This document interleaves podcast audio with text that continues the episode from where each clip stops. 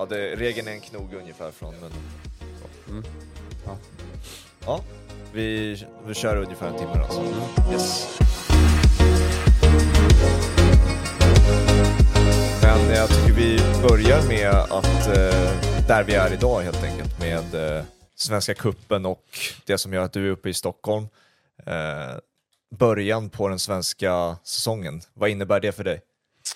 Nej, men framförallt det att det kommer tävlingsmatcher in i bilden. Här. Man har ju kollat en del träningsmatcher. Det är, och det är mängder med byten i den typen av matcher med. Det är såklart att det är otroligt mycket roligare att titta. Och det är väl en känsla jag har att, att svensk fotboll behöver komma igång tidigare. Mhm. Sen är det klart att eh, väder och vind och snö och sånt sätter stopp på många, många håll.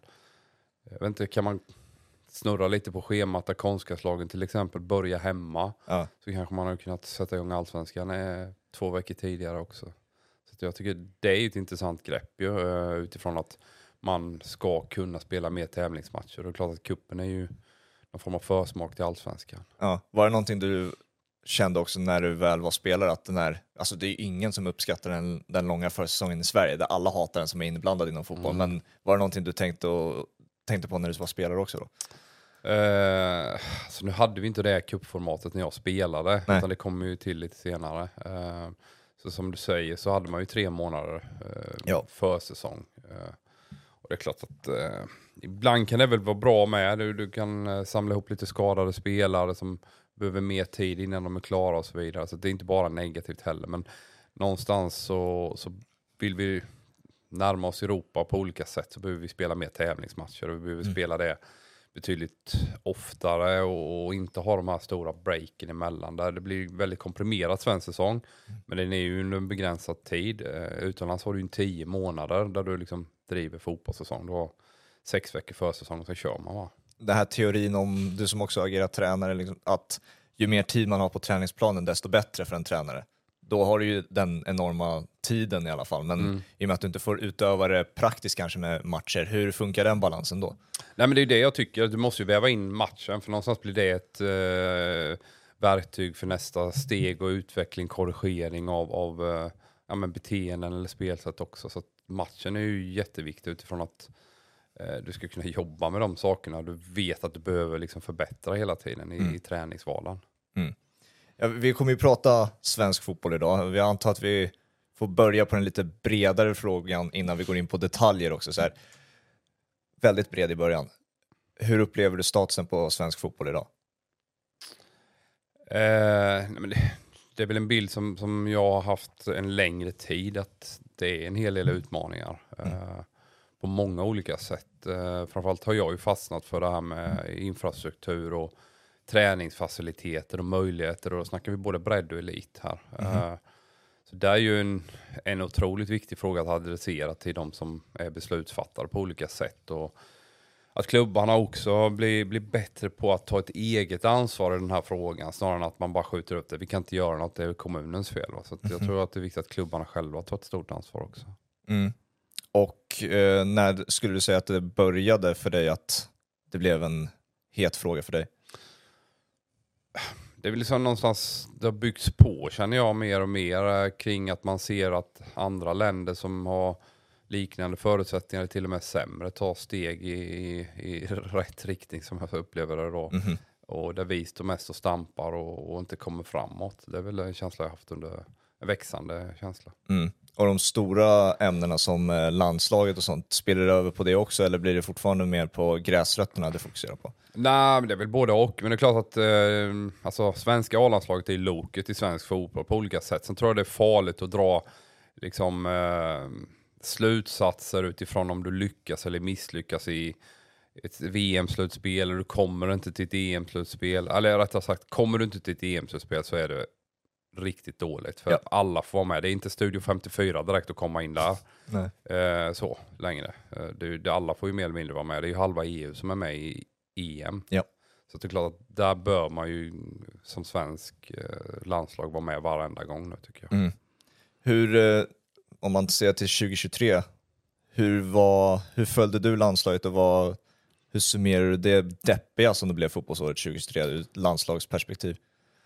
Eh, ja, summera och summera, jag, jag har väl följt det. Sen är jag liksom inte, det är inte så att jag tycker att landslagsfotboll är det roligaste som finns att titta på längre. När man själv var med och spelade, då var det ju världens viktigaste. Men, Mm. men jag känner väl att jag tappat det mer, att jag är intresserad av klubblagsfotboll och liksom lite mer långsiktiga, ja, inte processer, men ja, både processer och liksom man ser det långsiktiga tänket i verksamheten. Det här blir det liksom in och köra två matcher och kanske ibland har Janne och de har bara haft två vettiga träningar innan det är match. Så att, ehm, men det är ju också bevis på att vi, vi har det jobbigt när många av de här A-landslagsspelarna sitter på bänken. Mm. eller Så. Sen tycker jag fortsatt att det är, finns många intressanta spelare. Vi kanske har en offensiv nu som vi inte har haft på, jag vet inte när senast. Men Mm.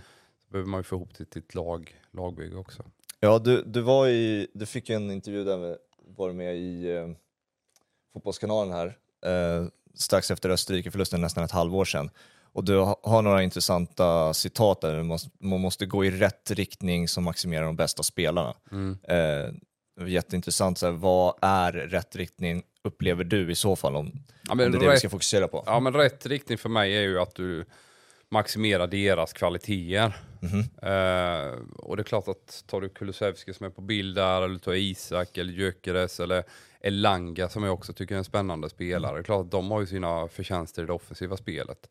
Eh, sen behöver vi kunna knyta ihop det med, med en tajtare defensiv. Vi hade ju omställningsproblem, defensiva omställningsproblem, till exempel hemma mot Österrike. Där man spelar ganska bra första halvlek, skapar en del målchanser och sen åker man på ett antal omställningar och där känner jag väl att då sitter vi liksom, det är också ett eh, bevis för mig att man har lite problem som lag när man släpper in mycket omställningsmål. Vad, vad, vad behöver liksom, har vi en positionering som optimerar återövring? Eh, Är vi liksom inte förberedda på den defensiva omställningen? Eller Mm.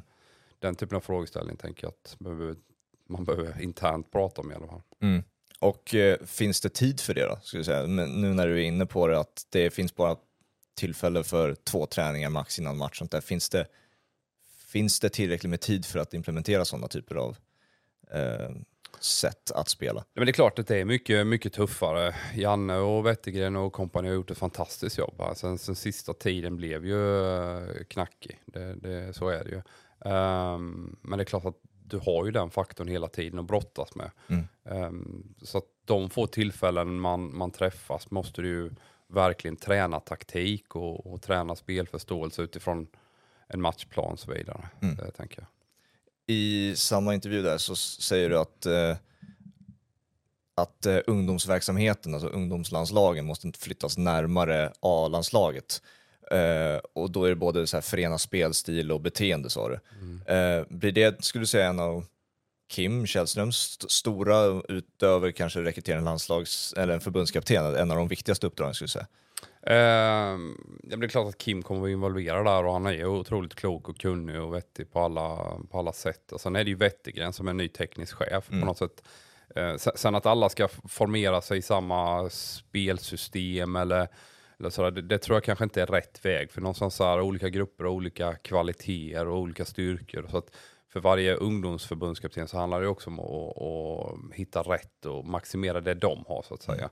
Det, det, det tycker jag definitivt att den friheten ska finnas. Men du behöver ju ha enkla principer och, och så här funkar ett A-landslag utifrån beteenden. Ska vi hålla tiden eller vad, vad liksom, hur beter vi oss tillsammans? Mm. Det tror jag är otroligt viktigt att på något sätt det är förenligt med hela med A ner till U16. Hur eh, sällsynt skulle du säga att det är? För jag kommer själv ihåg när jag spelade ungdomsfotboll och mötte AIKs akademilag till exempel och vi visste inför att det här är det mest possession-drillade laget som vi kommer möta. Det är liksom 90% bollinnehav. Och sen när man ser A-laget sen, alltså bara, det här var U17 och U19, så bara ett, två snäpp ifrån då, så spelar de, det var Andreas Alm då till exempel, som spelade ett 4-4-2, väldigt mer rakare spel och inte, man kunde inte ens se likheter med hu, ungdomsfotbollen som de spelade. Hur eh, sällsynt tror du att det är att det finns en röd tråd rakt igenom? Ja, men jag tror det är väldigt sällsynt i Sverige. Eh, och det är ju ofta utomlands också att du byter tränare och har man gått från en någonting som man känt inte funkar så byter du den tränaren och vill ha något annat. Va? Jag tror just den här klubbidentiteten är otroligt viktig för att det blir också enklare för dig som ung spelare att komma igenom. Du är van vid träningsövningar, du vet vad tränarna strävar och söker efter i dina beteenden. Ja.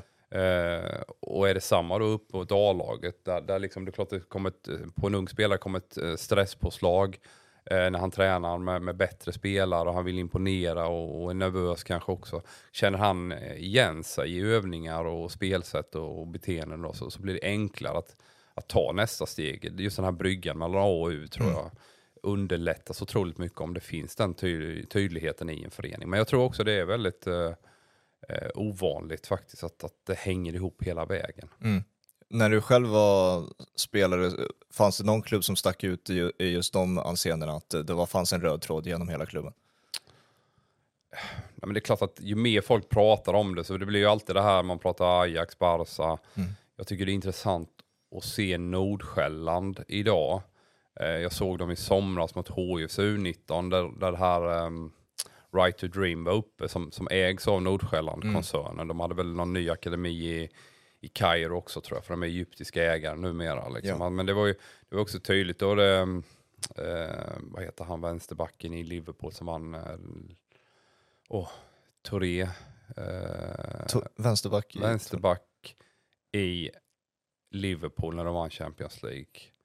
Blev väl utbytt i paus. Ja, det här är så dåligt att jag inte Afrikansk. kommer på det var. Nej men skitsamma, han var tränare i alla fall. Eh, och det var ju jättetydligt att, att de spelade precis som Nordsjällands A-lag. Mm. Med de här 18-åringarna. Och, och de bästa från det laget går till eh, Nordsjällands U19.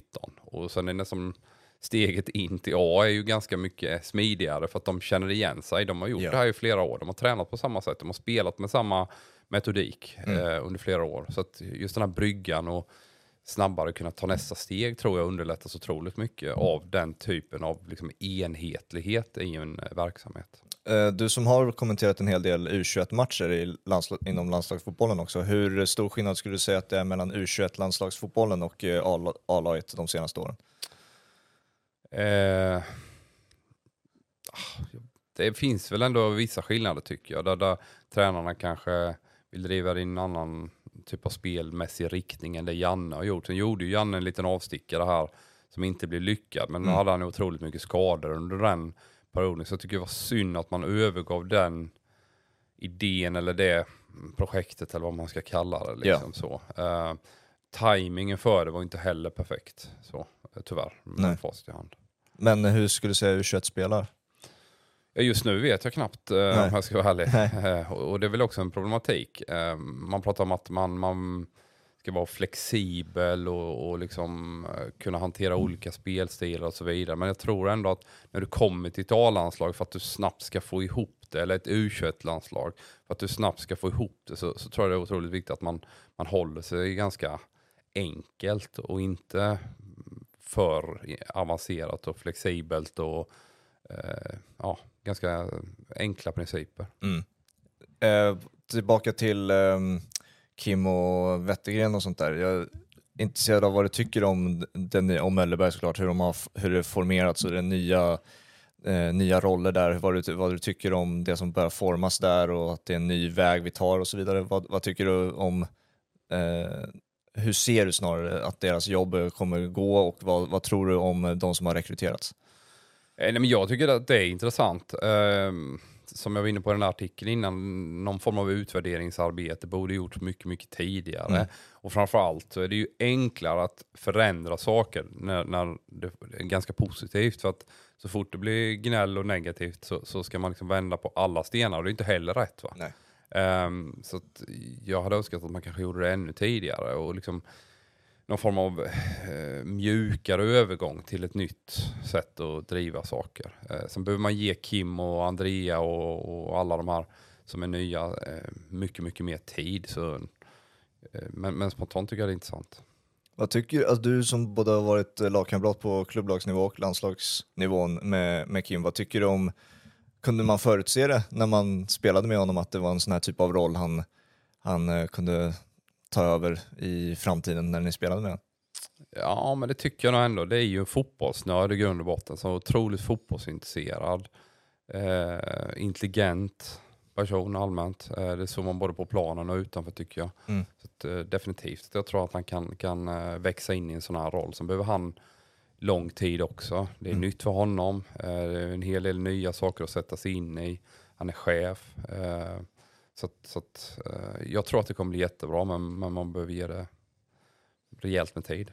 Ja, det finns ju så här, eh, när man kanske tillhör en spelargrupp, när man själv är spelare, så man kan peka ut en framtida, ja, men han ser ut som att kunna bli tränare till exempel, Mm. eller han ser ut att ha eh, spetsen för att kunna vara en sportchef en dag. Har det spelat ut sådär eh, utifrån de lagkamrater du har sett, så här, ja men de där sticker ut, de där skulle kunna fortsätta och kunna bedriva någon typ av roll inom fotbollen? Ja, men både och kan man väl säga där. Det var väl många man kände, han kommer inte satsa, eller liksom engagera sig så jättemycket i fotboll efter sin karriär och så har det visat sig att precis tvärtom. va. Så Aha. att, eh, den är nog både och. Va. Någonstans så tror jag för många av oss som har spelat och liksom varit inne i den här snurren länge, det är svårt att ta sig ur också för det finns någon typ av kick med att liksom, eh, tävla Mm. som man har drivits av hela vägen. Så att, att få samma typ av eh, eh, känsla kring, kring liksom, eh, sitt jobb är det ju då när man, när man slutar också. Men det är en annan känsla kring det. Jag tror det är svårt att få i näringslivet på samma sätt. Så därför tror jag många ändå väljer att stanna kvar. Även om det är en tuff bransch och det är otroligt mycket, mycket mer tid som krävs som, som eh, sportchef eller som tränare kontra när du är spelare. Hur ser den kicken ut för dig? Hur tar sig den i uttryck nu när, när din spelarkarriär har tagit slut? Ja men det är ju framförallt när det som, som tränare eller även den korta tiden jag var sportchef att man känner att fan folk utvecklas och det, det går i rätt riktning. Tar jag tränarbiten så många gånger tycker jag det är roligare att se att vi, vi liksom skapar mönster eller beteenden som vi har gjort och tränat på i träning och så kan vi omsätta det i match. Det tycker jag är nästan det häftigaste. Sen är det klart att jag också vill vinna och eh, det, är- det är kul att vinna fotbollsmatcher men det, Ja. det, liksom, det som består och liksom ligger kvar det är ju när man ser människor utvecklas och gå vidare. Det tycker jag är häftigt och sen just det här som jag menar med spelmässiga eh, saker som på något sätt, men det här har vi gnuggat i, i veckan och flera veckor och sen kommer det sakta men säkert även synas i match. Det är, det är häftigt. Är det svårt att, eh, för det, det är ju det du lämnar över ett ansvar på ett sätt också till själva individen att utföra ett agerande som du själv är van att göra som spelare.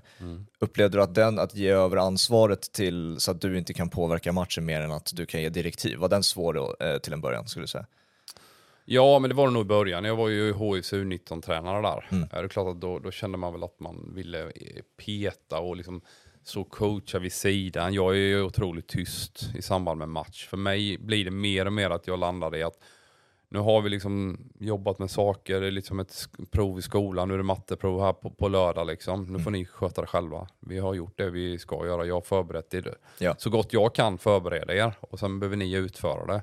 Någonstans tror jag ju väldigt mycket mer på att du som individ måste lösa situationer i stunden snarare än att det står någon och gapar och skriker och talar om för dig. Det är mer det att det stressar spelarna upplever jag snarare än att de ska ju vara så fria de kan när de är där ute. Och klart det blir fel men, men eh, det är också häftigt att man ser att de gör rätt och Mm. vi gör det tillsammans. Liksom. Ja, det där med tillsammans, hur, i och med att eh, man tillhör en grupp men sen också får se fågelperspektivet på det, att du får eh, träna en hel grupp och sånt där. Vad, lärde du dig någonting nytt när du ser på harmoni inom en grupp och så, när du faktiskt får, är den som styr gruppen snarare du är en del av det?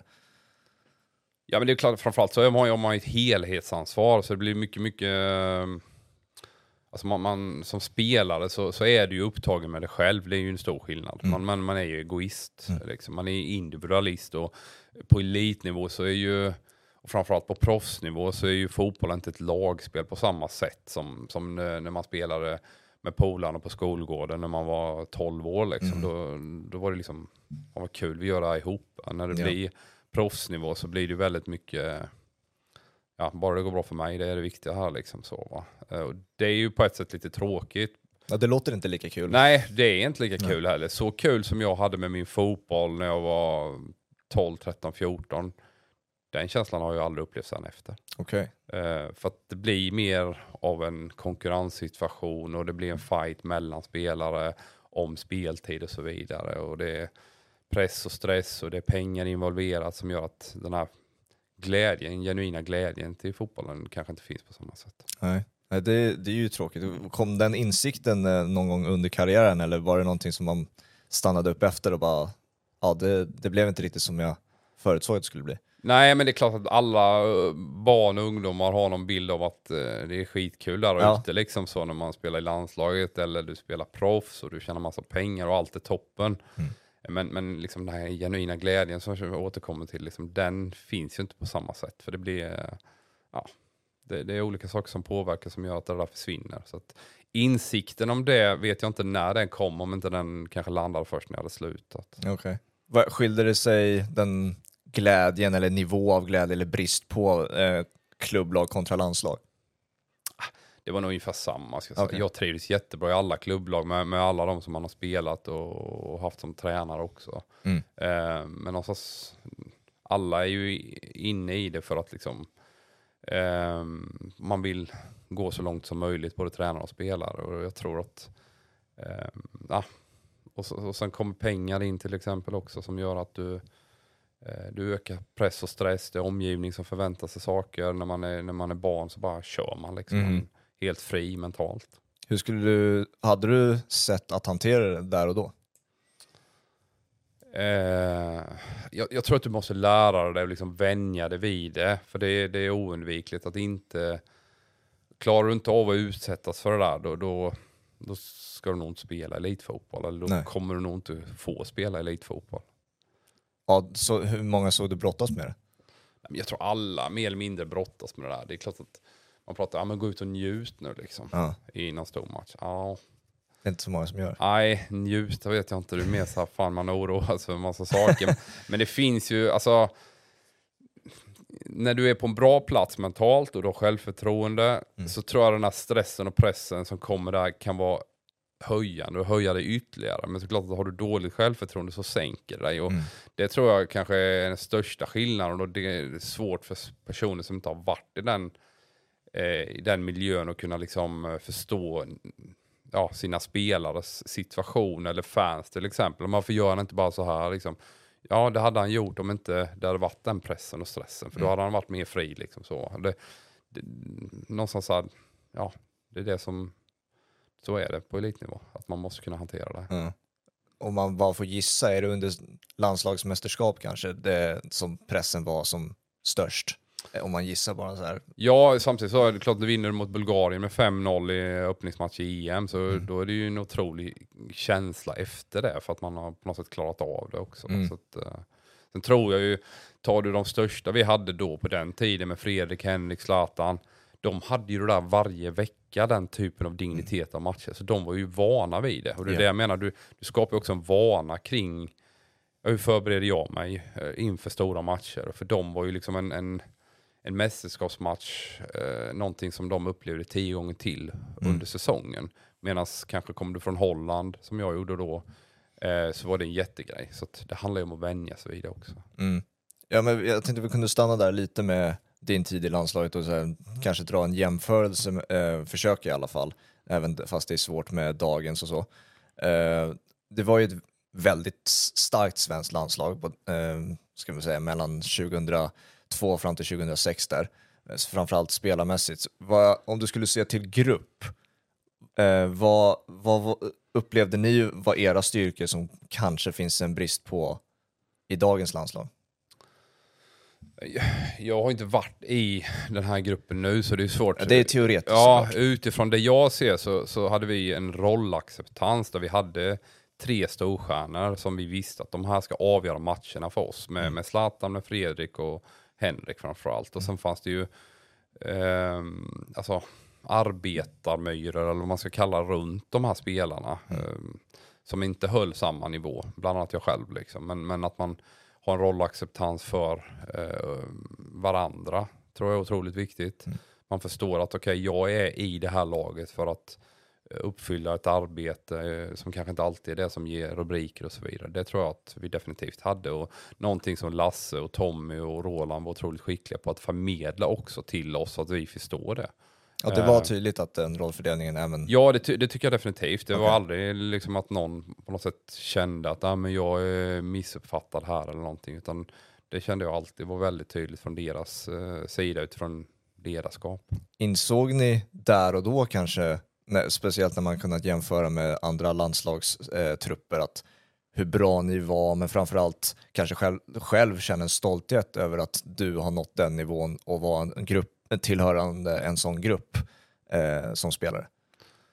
Ja, men det gjorde man ju bara att få vara med. Det var ju liksom stort för mig som kom från lilla Habo, liksom att uh, få, få vara med i ett A-landslag. Det är ju häftigt. Så. Um, sen vet jag inte om man liksom uh, överanalyserar där och då, men med klart efterhand känner man ju mm. att det var bra. Jag, menar, jag är inte säker på att vi hade så otroligt mycket bättre spelare. Däremot hade vi ju uh, ett kollektiv som fungerar kanske mer mm. i harmoni. Sen tycker jag ju om du tar VM 2018 mm. så fanns det ju det där återigen. Va? Där, där liksom, det var inte alltid de sexigaste spelarna som spelade, men någonstans hur maximerar vi våra möjligheter att uh, få till någonting här. Och det tycker jag liksom Janne och Wettingen fick till på ett fantastiskt sätt i, i Ryssland där under VM med de spelarna de hade där och då. Mm. Mellan 2002 och 2004, hur, hur bra upplevde ni att ni var framförallt?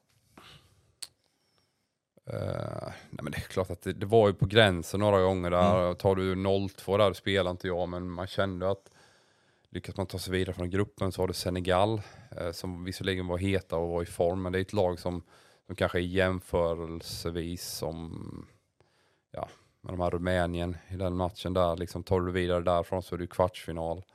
Um, då har du väntat Turkiet tror jag. Mm. Det är också en 50-50 match. Uh, man hade haft dem tidigare i kvalet där man har spelat ganska jämnt. Ja. Uh, sen hade det varit en semi mot, mot Brasilien, det är klart att den har varit tuff. Mm.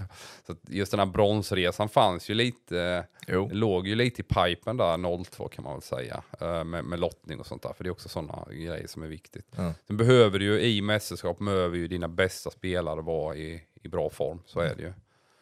För de lyfter ju de andra spelarna också så att säga. Um, 04 var ju också likadant där. Det var en jämn match mot Holland mm som hade ett bra lag då tyckte jag. Um, sen hade man fått Portugal i, i semi på Dalus där. Liksom, så. Också tufft. Ja, det är klart att det är tufft, men det hade varit en jävla kul match. Verkligen. Ja. Men det är aldrig så att ni kände att, att det underpresterades av den anledningen, att, eh, att ni kände så kon konkurrenskraftiga av den anledningen? Nej, jag kände väl att det fanns alltid en förmåga att gräva fram resultat, även om man mm. inte alltid spelar fantastiskt. Och det tror jag ändå, det här lugnet och den här metodiken och det jag pratade om innan med, med enkla principer och, och liksom skala ner det, göra det enkelt. Nu är det landslagsfotboll de här veckorna eller den här veckan. Så att spelarna ganska snabbt applicerar liksom landslagstänket och hur, hur gör Lasse och Roland och Tommy mm. eh, här och nu och, och liksom man släppa det man hade i klubben och man gjorde lite annorlunda där. Det tror jag de var otroligt skickliga på. Så det skapar också en trygghet som gjorde sen att man, man känner att vi är stabila. Så även om det blåser till lite här första tio minuter så håller ihop det och liksom bara tugga på och, mm. och, så kände man ju att man, man alltid kunde vinna en match för man var stabila och sen hade man liksom folk som kunde göra andra saker eller liksom skapa saker av ingenting med men framförallt Zlatan och, och Henrik, eller förlåt, Zlatan och Fredrik och sen då klart Henrik med sin kvalitet. Liksom så. Sen fanns det ju många andra bra där framme med Albeck till exempel också mm. som gjorde ett fantastiskt jobb. Och ett inläggsspel från dig ibland och så också. Ja, exakt. var det att ni eh, gick in, för det är ju intressant så här, man frågar och det finns olika åsikter där med att ha eh, målsättningar när det gäller sportsliga resultat. Mm. Gick ni någonsin in i ett mästerskap med ett sportsligt mål? inte, för mig har alltid det där med målsättningsarbete, eller att sätta en målsättning, det blir så abstrakt. för att det kan vara bara förutsättningar förändras bara på en vecka. Liksom. Någon, någon går sönder, någon är inte mm. i form och så vidare. Så för mig är det mer bara nästa, nästa träning, nästa match. Ja. Och, så, och så tar det därifrån. Sen klart att det, det, det över tid finns ändå en vinst med att ha en, en långsiktig målsättning. så. Um, men det blir för ett litet land, eller relativt litet land för Sverige jämfört med några stora länder, så öppningsmatchen är otroligt viktig till exempel. Mm. Att, du, att du får med dig någonting där och du får en positiv känsla in i, i nästa, eh, nästa match. Och just de här dagarna mellan de här två första matcherna också upplever jag liksom markant skillnad. 0-2-0-6 eh, till exempel. Där, där vi vinner med 5-0 mot Bulgarien och får självförtroende in mot Italien-matchen. Eh, kontra Trinidad in mot, eh, var det Paraguay va? Mm. Mm. att, att det var ju, blev så jäkla negativt efter den här Trinidad-matchen på grund Ja. av att vi, vi gör en svag insats och vi får bara 0-0. Liksom så.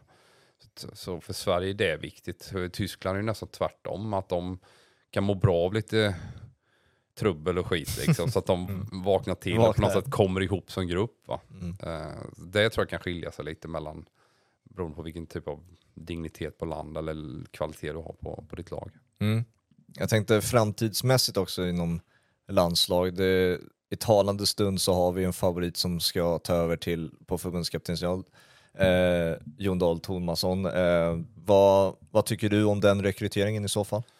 Men det känns ju spännande. Eh, Jon Dahl har ju haft, eh, först och främst hade han ju en otroligt fin eh, spelarkarriär och, och väl också börjat samla på sig lite erfarenhet som tränare nu. Han var i Nack Breda, där gick väl inget vidare i Holland. Eh, sen efterhand så kom han till Malmö där han fick väl eh, bra ut, ut delning, dels två SM-guld och även då Champions League som är det är tyngre än ett SM-guld i en svensk kontext. Ja, på skulle jag många sätt, säga. Eh, Att komma dit och komma in där.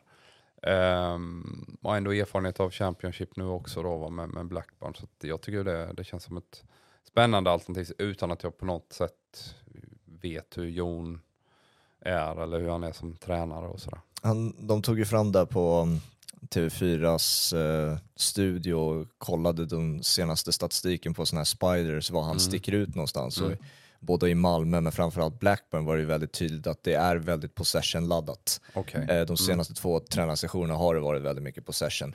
Eh, och i Malmö stack ju flera andra saker ut då det var Malmö, det bästa i allsvenskan. Men i just Blackburn som ändå var i en lägre del av tabellen eh, dominerade ändå boll. Ja. Vad, hur tror du det skulle passa ett kommande svenskt landslag? Jo, men i grund och botten så tror jag det passar väldigt bra eh, med de spelarna som, som, som finns idag och tillgår. Det var det jag var lite inne på med hur maximerar vi Kulusevskis möjligheter. Sen, sen behöver vi ju få ihop det här som, ja, som jag var inne på där till ett lag och på något sätt hur, hur positionerar vi oss på ett mittfält till exempel? Vilken typ av spelarkvalitet ska vi ha där? Eh, ytterbackar, mittbackar och så vidare. Liksom, eh, det, det, det är sådana frågor som också kommer med det att visst, vi ska spela våra bästa spelare och vi ska maximera dem, men vi behöver också få ihop det till ett lag. Eh, där har man haft strul på slutet, så Ja. är det ju. Vad, de, de spelarna som tas fram nu, framtida potentiellt storstjärnor, vad, vad tycker du om nivån som tas fram just nu och vilka som sticker ut enligt dig? Utöver kanske då Isak Kulusevski så- och Elanga som har varit där ett tag.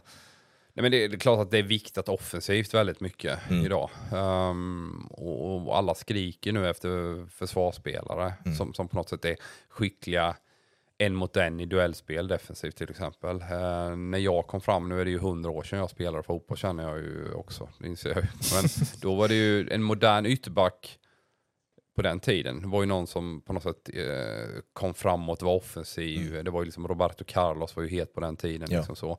Eh, så då var det ju det som man såg som en modern ytterback. För mig en modern ytterback 2024, det är ju en som är skicklig defensivt och som, som stänger sin kant och kan plocka ner motståndare och hantera en mot en spel defensivt. Eh, Det tycker jag är ju en otroligt viktig egenskap i, i dagens fotboll. Om vi ser de här yttrarna som vi själva har och ändå de andra länderna har som är otroligt skickliga, då måste Ja. vi kunna neutralisera det också när vi möter den typen av motstånd. va? Och där, där har vi utmaningar. Också som ytterback har det blivit mer och mer populärt och det är mycket tack vare de eh, filosofiska tränarna vi har, men också Ange Postecoglou till exempel, att det är ju väldigt populärt att invertera med ytterbackar numera. Mm.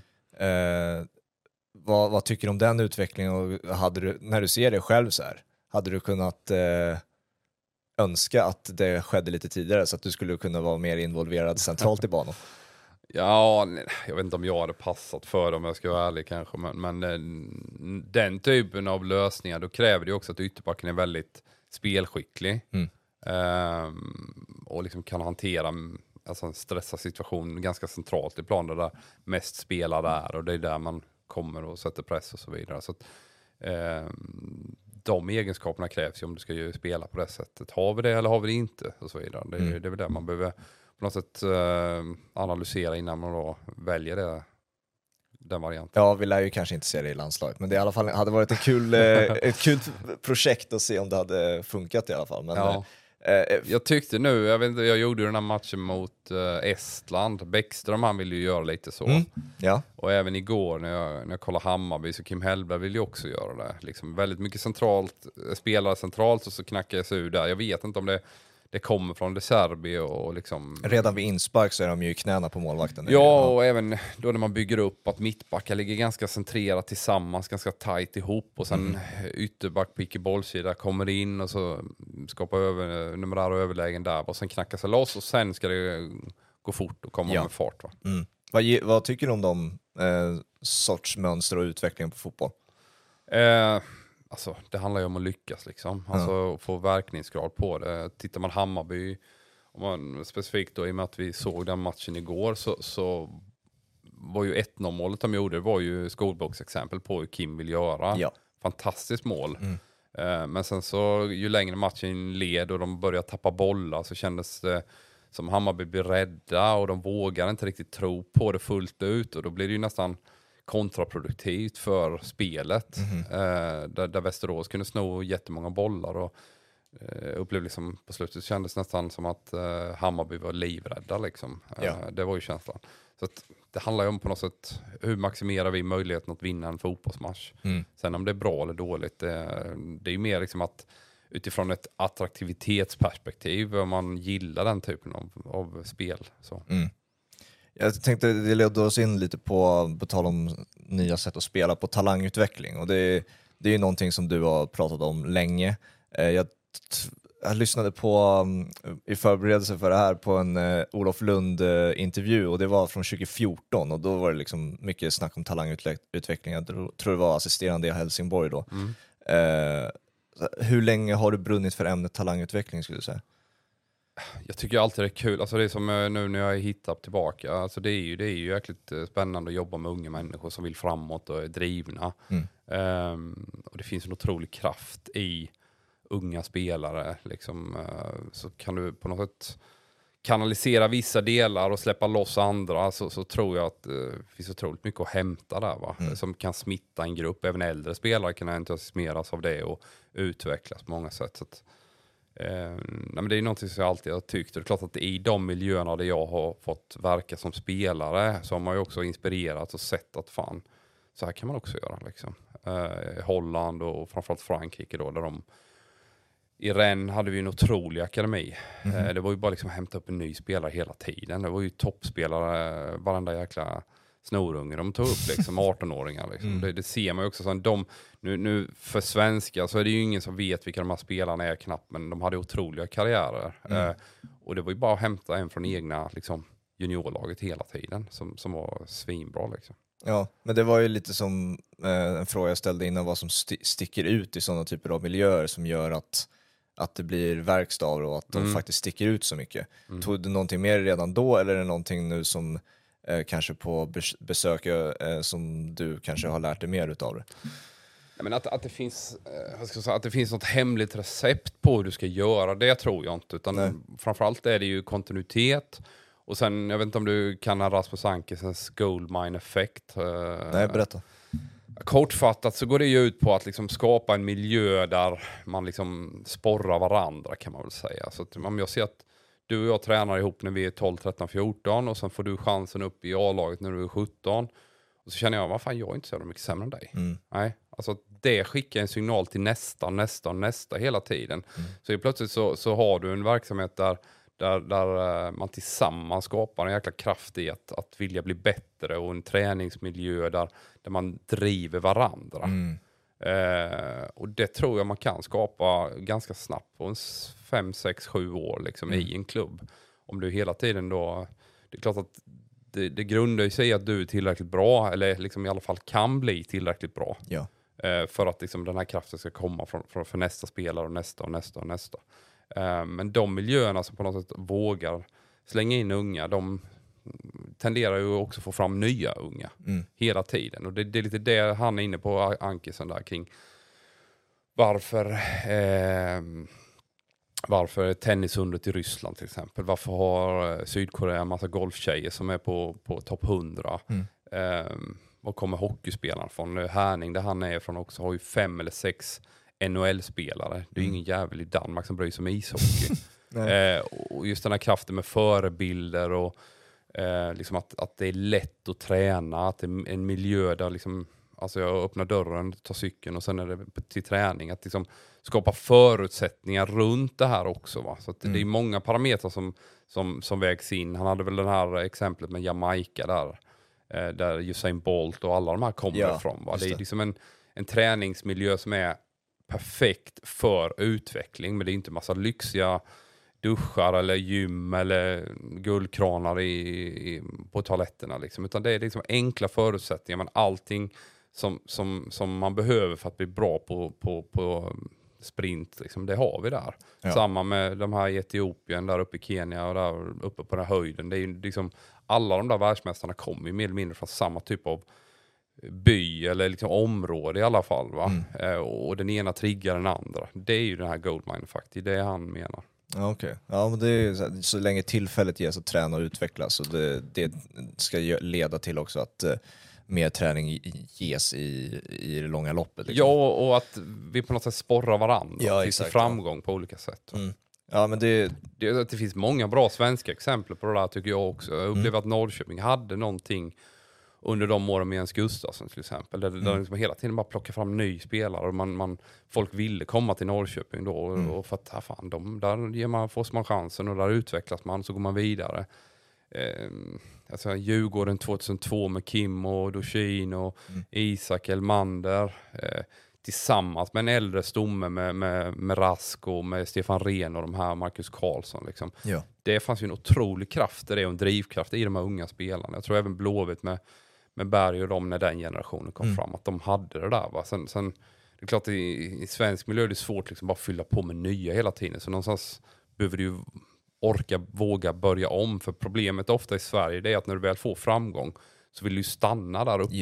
Och så säljer du då dina bästa. Då, då har du liksom inte tålamodet, orken och fansen definitivt inte att orka börja om igen. Va? Nej, just det. Ja, men det, är så, det är det där intressanta med att ge chansen också. Det är väl kanske det vi i Sverige ibland har varit väldigt dåliga på, att, eh, ge, alltså att åldern aldrig ska spela någon roll. Alltså det som sticker ut för mig spontant och säkert för många andra är, ju- andra är ju Ronny Budgie nu, liksom, att Mm. eh, man inte har fått se honom än eh, i landslagssammanhang. Och det är väl, det är väl en bidragande faktor, det är väl lite den kulturen vi har haft, liksom, att du ska komma upp i en viss ålder, du ska ha kunnat spela x antal seniormatcher eller allt vad det nu är Mm. innan du faktiskt ens ges chansen. Inte att du ska glänsa utan bara ges chansen. Och det är väl ett, Mm. eh, någonting som eh, jag, jag vet inte om det är på väg att förändras eller inte, eller om det fortfarande hänger kvar än idag. Men jag menar, vad, vad är din bild av det? det är ju dubbelbottnat där liksom. Tar du Rooney så, så, så, um, så är han tillräckligt bra. Mm. Ehm, ganska snabbt och tidigt. Sen, sen finns det ju en fara med att slänga in folk som inte bottnar.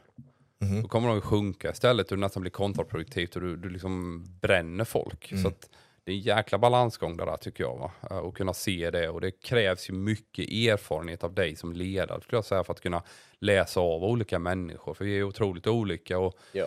Eh, vi behöver olika mycket tid för att liksom mm, bottna på den nivån så att säga. Va? Eh, men, men generellt tror jag det, det är på väg att förändras. Sen behöver vi liksom hitta rätt i det här att vi i svensk fotboll, vi ska vara jätteglada att vi kan, kan sälja Bergvall och Kusiasare och de här. Va? Men i Danmark så spelar de ju i, i respektive klubblags A-lag under en tid. Sen säljs de. Så då har de ju bidragit både, både sportsligt och ekonomiskt Mm. när de tar nästa steg.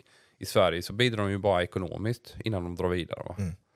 Ja, Lukas Bergvall där, hur, eh, hur stor eh, risk är det ändå så att det där med att man inte bottnar? För att nu är det, det är ju storklubbarna som är efter en Kusiasare och eh, Mm. jag menar Lukas Bergvall. Det har pratats om de stora klubbarna i över ett år på, på just Lukas Bergvall också. Mm. Hur, hur, hur ser risken ut och vad, vad, vad blir nyckeln egentligen för att, det inte ska, att han inte ska sjunka? Men det finns ju jätte, det är ju jättemånga saker. Ehm, jag känner inte honom, jag har sett honom otrolig talang. Mm. Ehm, det är klart att det är en helt annan nivå i, i Tottenham idag än vad det är i Djurgården. Även om Djurgården är ett bra svenskt lag så, så är det klart att det är en helt annan nivå för, för, för Lukas där. Ehm, ja, eh, jag tycker generellt sett att hade man kunnat karriärsplanera så är det ju bättre att ta ett lagom steg generellt sett. Men Mm. man vet inte heller att kunna vara i den miljön för, för, för Lukas Bergvall kan ju också vara precis det han behöver och, och nästa steg. Att, att, liksom kategorisera rätt eller fel här tror jag också är jättesvårt. Mm. Ehm, det beror på individen, det beror på miljön han kommer till. eh, hur mycket tror Postu? Postecoglou, ja. Hur mycket vill han liksom på något sätt slussa in honom? Eller ska han vinna Champions League nästa år eller ligan? Alltså, det är sådana där saker också. Va? Ja. Ehm, så att det är jättesvårt att säga vad som är rätt och fel. Eh, för mig som kanske var en mer normal talang så, så, så eh, var det nog bättre att ta nästa steg bara lite högre än där jag kom ifrån. Mm. För att liksom bottna där och vara trygg där och sen ta ytterligare ett steg till England senare. Så Mm. Holland för mig var ju en jäkla bra mellansteg eller ehm, ja, en brygga till nästa nivå. Liksom. För visst var det så att du upplevde första steget i Torino där för, för stort steg? Ja, då var ju Serie A vad Premier League är eh, nu kan man väl säga. Mm. Liksom. Så att jag bottnade inte och det, det var, jag var inte tillräckligt bra helt Mm. enkelt. Va? Så jag, hade, hade jag fått göra om det så kanske jag skulle stannat ytterligare ett år i HIF Ja. och sen gått till, till Heerenveen då till exempel. Mm. Var det, men eh, var det någon, en, när du väl valde att gå till Torino, då var det att du hade fått en felaktig bild på hur konkurrensen såg ut eller var det att du trodde att du var faktiskt bättre än de du konkurrerade med eller hur, var, hur, varför blev det som det blev då? Det är länge sedan nu så det är svårt att återskapa exakt eh, den situationen och hur jag kommer ihåg det. Men, men känslan var väl att liksom, får man chansen att dra så ska man dra. Ja, okej, ja. Eh, snarare än att eh, fan ha lite is i magen här nu. Mm. Eh, någonstans hade jag bara spelat två år i allsvenskan. Vi hade vunnit guld eller vi hade vunnit kuppen och vi skulle vinna guld eller vi vann guld senare det året. Där, Ja. va? Spela mer i Europa är ju en viktig faktor också. Mm. Vi hade precis kommit i, börjat komma in i Europaspel och sådär. Vi har bara spelat ett, ja, tre, fyra matcher knappt. Liksom så. Ja. Så det är ju också en, en viktig parameter för att veta, okej, det är samma när, när klubbar köper. Det, har du spelat många Europamatcher så är det också ett kvitto på att fan, han, han fixar detta. Liksom, så, Mm. va? Så det är väl sådana saker som, som jag kan liksom, reflektera kring i efterhand. Ja, och det kanske det, ja, vi får ju, man får ju hoppas verkligen att det går vägen för Lukas Bergvall, för han är ju den, liksom, en av dem som man ser om kommande år, om allting går rätt och klaffar, att det är en sån som kan påverka landslaget till det positiva. Liksom.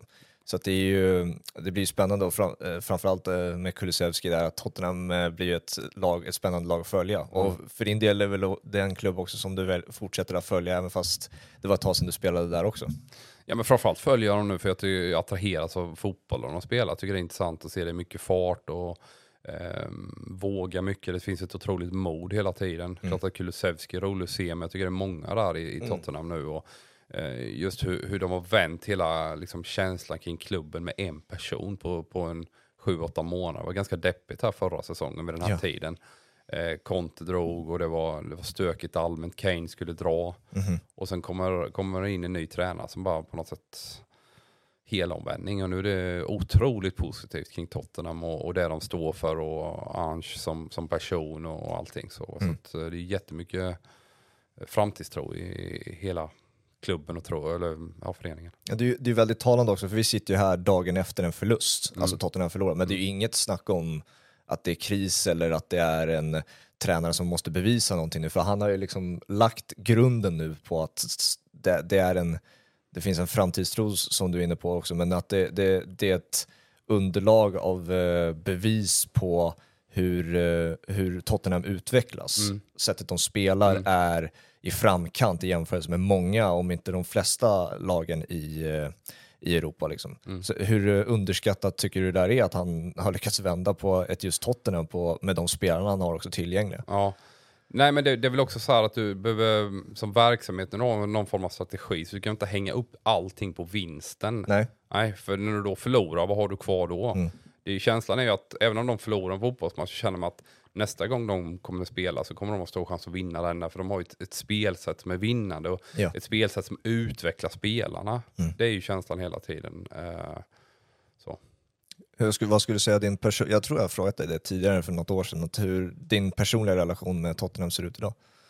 Ja, den är väl non-existent så liksom. Jag har väl ingen relation alls till dem. Jag tycker liksom, som jag sa, där, det, det är ju häftigt med, med, med han, vad han gjorde i Celtic. Han kommer in och eh, retorikerna för i media också. Där Mm. Det är ju väldigt mycket anspelningar på John Wooden tycker jag när, man, när han pratar. Det känns som att han har honom som någon form av förebild vad det gäller ledarskap också. Jag Mm. vet inte om du vet vem John Wooden är? Eh, nej. Eh, gammal UCLA eh, baskettränare på Okej. 60, 70 och tidigt 80 var han väl verksam där va. Mhm. Eh, vann ju 10 college-titlar, NCAA-titlar där på mm, ett spann på 20 år. Liksom. Så Mm. det är ju en otrolig prestation kan man Ja. säga.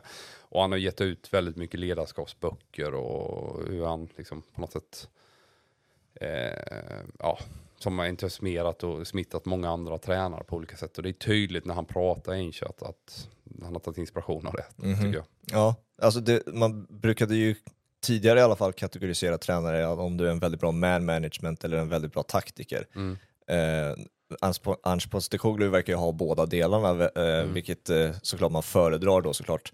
Kommer du själv ihåg vad du föredrog för typ av tränare om du skulle välja mellan man management och en taktiker och sånt där? Eller om det till och med fa- fanns båda? Ja, men det, jag upplever också att han har båda egenskaperna, men för mig det som blir bestående är ledarskapet. Det är ju de största ledarna som jag har haft, det är också de som på något sätt man känner störst värme kring idag Mm. eh, i efterhand med, med ja, men, ta Tommy Söderberg till exempel, Ja. Hans förmåga att entusiasmera, inspirera och, och, och liksom skapa tro i människor är helt otrolig. Mhm. Eh, och det liksom stannar ju, stannar ju hos en, tycker jag. Mer än att man, man flyttar lite dit, så tänk på det. Och så klart att den typen av tips är ju otroligt värdefull och man tar till sig. Men, Mm. men de stora bitarna för mig är ledarskapet. Alltså, jag kan brukar likna med något isberg. Liksom. Mm. Det man ser på ytan är liksom träningsmetodik, taktik och de bitarna under. Det stora och det viktiga och det som gör att du är långsiktig och håller som tränare på lång, alltså under längre tid. Det är ju ditt ledarskap. Och det, Ja. Det, framförallt lite i media så tenderar vi att liksom negligera det lite grann tycker Mm. Ja, och- så får man ju ändå säga att de som är väldigt bra på det där, eh, det är ju de ofta som sticker ut. Sen har vi ju några som är lite mer dragna åt det taktiska, filosofiska, det är väl De Serbi och Pep Guardiola som sticker ut, men de som är väldigt uppskattade är ju oftast de som är väldigt bra på det här med människor och de mjuka väderna Mm. och sånt där. Mm. Klopp är ju den, en, någon som sticker ut till exempel. Ja. Det är, det är en, en favorit för många. Anders Postecoglou kommer ju också bli en sån. Mm. Eh, och det, det är en intressant trend att jämföra, om man inte ska jämföra spelstilarna, vad, jämföra ledarskapen, Mm. vilka som sticker ut och inte. Jag, tror att din bild, många svenskars bild av att det är utomlands är stenhårt liksom. Att det är Viktor Tichonov och det är liksom uh, skälla ut spelare i parti och minut. Alltså. Jag har inte varit med om det. Det är klart att när man gör en risig match att man kan få sig en avhyvling eller Mm tillsägelse sådär liksom. Men någonstans, nej, så är det inte. Utan eh, det, det, det handlar om liksom alla, jag tror att eh, genuint så, så, så gör ju alla spelare allting alltid sitt bästa. Sen blir det inte alltid bra alla gånger, men, men på något sätt ehm, just alltså, sådana här hårtorkar och sånt. Jag har inte varit med om det speciellt ofta. Nej. Är det några andra saker som du tror vi som inte upplever proffslivet har förutfattade meningar om som du faktiskt är, är eller inte är?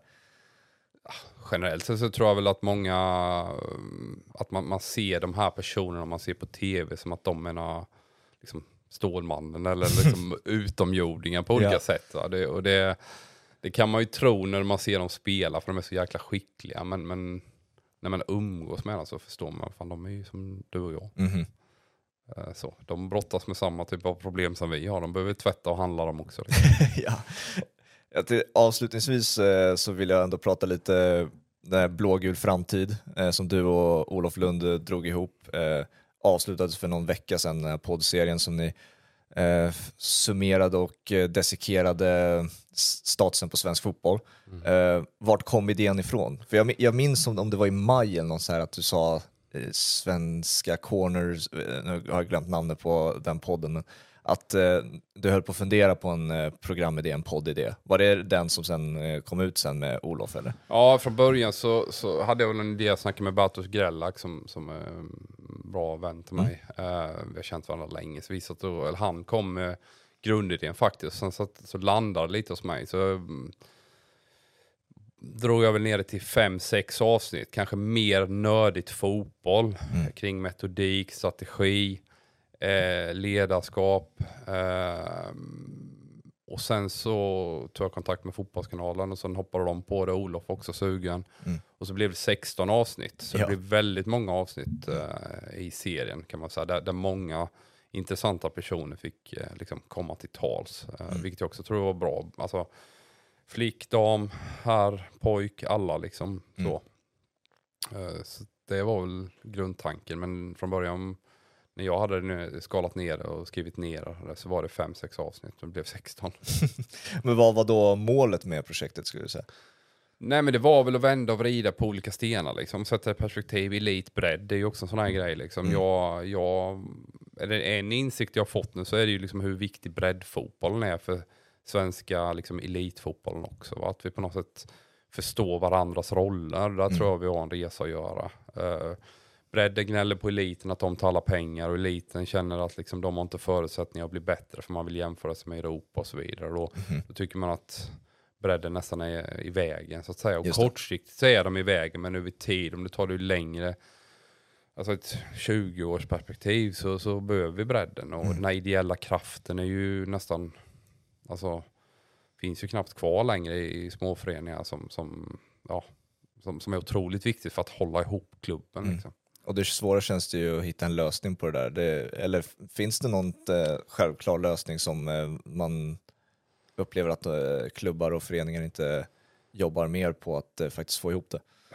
För mig är det ju samhällsfråga också för att beslutsfattare behöver förstå att eh, när jag växte upp fanns det en fritidsgård att gå till efter skolan. Det är ju helt stängt liksom. Ungdomarna behöver ju någonstans att vara och göra saker. Det behöver ju, och, och, med den tekniska utvecklingen i form av smartphones och allting och paddor så sitter man mycket mer stilla idag.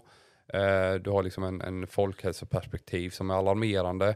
Så vi behöver ju vi behöver adressera den frågan utifrån ett folkhälsoperspektiv som i över 20 års tid gör att vi får fram ännu fler bättre spelare.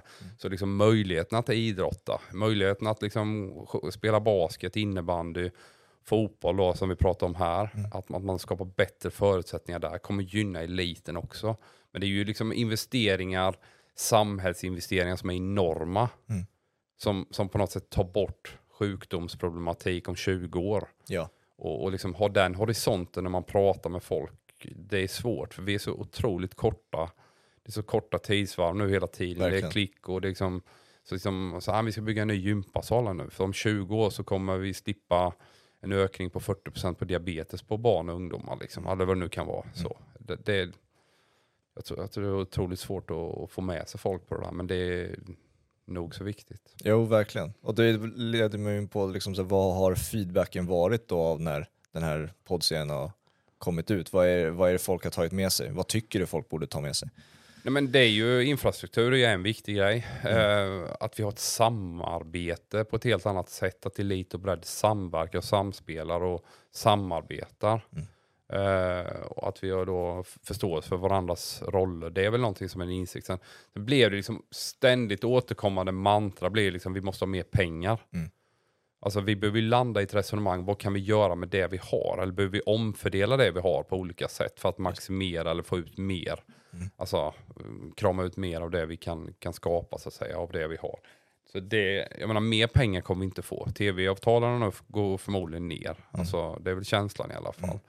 Ehm, jag menar, vi har ju en järnvägssystem som är katastrof. Där behöver liksom staten satsa pengar.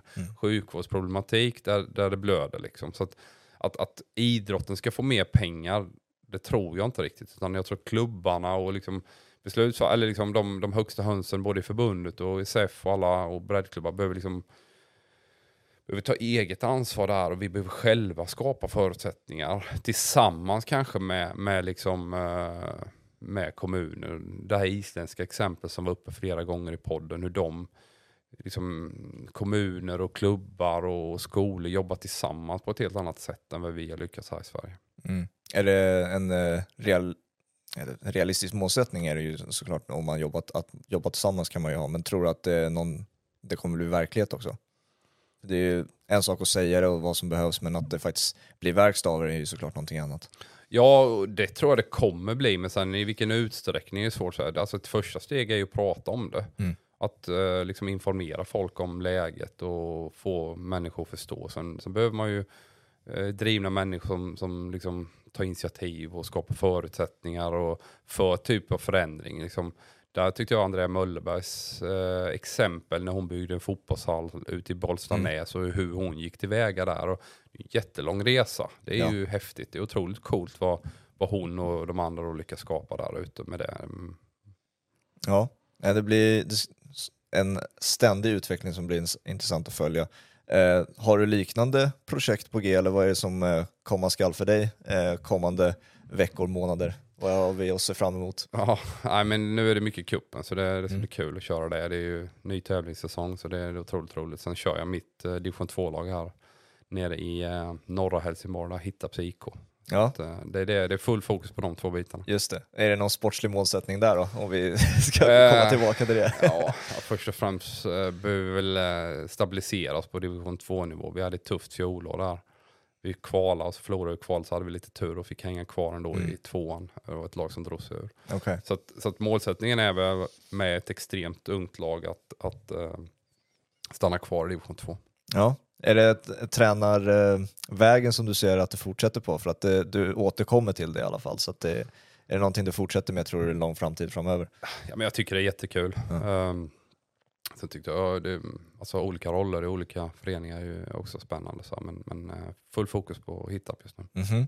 Ja, det blir spännande att följa det också. Uh, nu har vi kört ungefär en timme så jag ska tacka dig stort för att du kom hit. Det var jättekul att ha dig här. Tack uh, och, uh, tack till alla som har lyssnat också. Vi hörs snart igen. Hej då!